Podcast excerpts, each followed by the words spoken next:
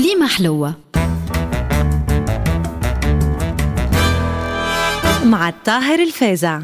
اللي نحكيو فيه على الفساد الإداري يظهر فولكلوري ونكتة من بحر قدام الواقع والشيء اللي ما نعرفوهش وقاعد يتكشف بشوية بشوية. منهم ما يحكيو فيه من شهاري متواصلة تتصب بانتظام الناس موتة عندهم سنين والناس طردوا والناس مشاو يخدموا في الخارج وربما الناس يحاربوا مع داعش.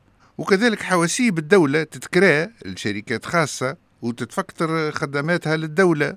اللي منه فيه زيتو يقليه ومن لحيته في تلو شكال. ولو كان تسأل أي موظف في أي ميدان لا ما يحكي لك على خرم ما هو خرم وحاربة من بابها المحرابها. منهم عملية كانت عادية ومتفشية في جميع الإدارات والدواوين والشركات الخاصة ألا وهي خلاص ناس متجمع على ميزانيتهم. ناس بعمرهم لا راوهم حد ما راهم حتى حد ويتمتعوا بكل الامتيازات والمنح والترقيات ويتصبوا لهم الشهريات من غادي لغادي في حساباتهم. وهما الكل دي بارازيت وقوادة وقفافة وخماج. واللي كان يتكلم يباصي يذوب وحكيت لكم هالايامات على القصة الحقيقية متاع الروج مع سيبو جمعة ال PDG وكيفاش كعبروا هالو وعطوها له بين العينين لا تقرا لا تكتب بعد استقالة الروج سيبو جمعة دورها عاد للجماعة اللي مصحين معاه في مطلب تكوين نقابة. ما عمل لهم شيء ما كلمهم حتى كلمة. أما نش عليهم السفاح مدير الشؤون الإدارية. وبدات ماكينة الردع تخدم. اللي يجي مخر بدرج استجواب مخر بدرجين شد دارك فاسع قبل بدقيقة ثلاثة أيام ميسابيي مطلب كونجي مرفوض. مطلب تصفقة شهرية مرفوض. أعداد منحة الإنتاج هبطت من 16 و 17 ل 9 و 6 وصفر. عاون تنقل البيرو متاع زميله توبيخ. شي يحلهم ريقهم عيفهم في حياتهم طلع لهم الشعر في لهاتهم مرضهم حاشاكم بالدوني. درع لهم خواطرهم كرهوا النهار اللي تولدوا فيه. اقتلهم بالديمينجو بكاهم دموع الدم. وهو شيخ ناصب يضحك من عينيه وعامل من عذابهم صنعة وراضت الإدارة وكل واحد دخل ببوشته وياكل في خبيزته مسارقة وتنشر الرعب. وبداو الموظفين يقطعوا ويريشوا في الروج وجماعته. يستاهلوا الكلاب يحبوا يخمجوا الجو الكمشة أو باش هالعلوج يصطادوا في الماء العكر وفي قلوبهم مرض والآخر اللعب اللي فيها زعيم يحب يكون نقابة باش يقضي مصالحه الخاصة ويشفع بالرخص النقابية ويتلنصى على ظهوراتنا. إحنا سيبو جمعة هو نقابتنا وكنا لباس علينا قبل هالفوعة.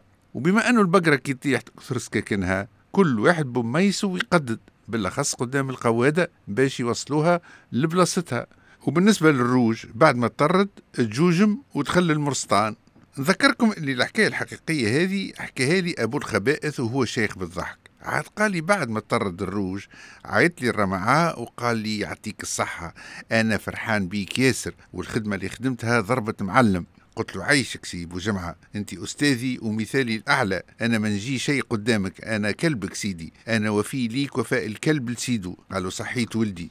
وكيما وعدتك باش نجازيك هاوكا دبرتها لك باش نبعثك في مهمة لتركيا. قلت له كثر خيرك شنو المهمة؟ ضحك وقال لي يا أبو الخبائث آه نعرفك فتين تي لا مهمة لا شيء يا راجل جولة سياحية برا حوس على روحك وتفتق فيها مدامك عازب وصغير. آه قبل تو نغلوثوها زعما زعما. مهمة باش ما نشلقوش قدام الكلاب. نحطوا لك مثلا الاتصال بالحرفاء والبحث عن أسواق جديدة. ونعطيوك تذكرة وطيارة و frais de mission وكان تحب تزيد تهز فلوسك الخاصة. برا تفرهد ودبش أو كان عندك عشرة أيام كاملين.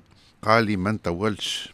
عليك بالجزئيات. المفيد طلعت في الطيارة وأنا معلق بين سماء وماء. قعدت نضحك وحدي نتفكر كيفاش الروج في المرستان بسبب مواقفه وأنا ماشي لتركيا ببلوشي بفضل قوادتي. والدنيا مع الواقف يا ولدي كي يكون بغل والناس حكاية وناس من ناس والناس أجناس ناس فضة وناس نحاس ناس ذهب وناس ألماس وناس كتاش وقراص وناس تحت الساقين تنداس وناس كي الملايكة وناس كي الوسواس الخناس وناس تتباس وناس تستاهل ضربة بيد مهراس كليمة حلوة. مع الطاهر الفازع.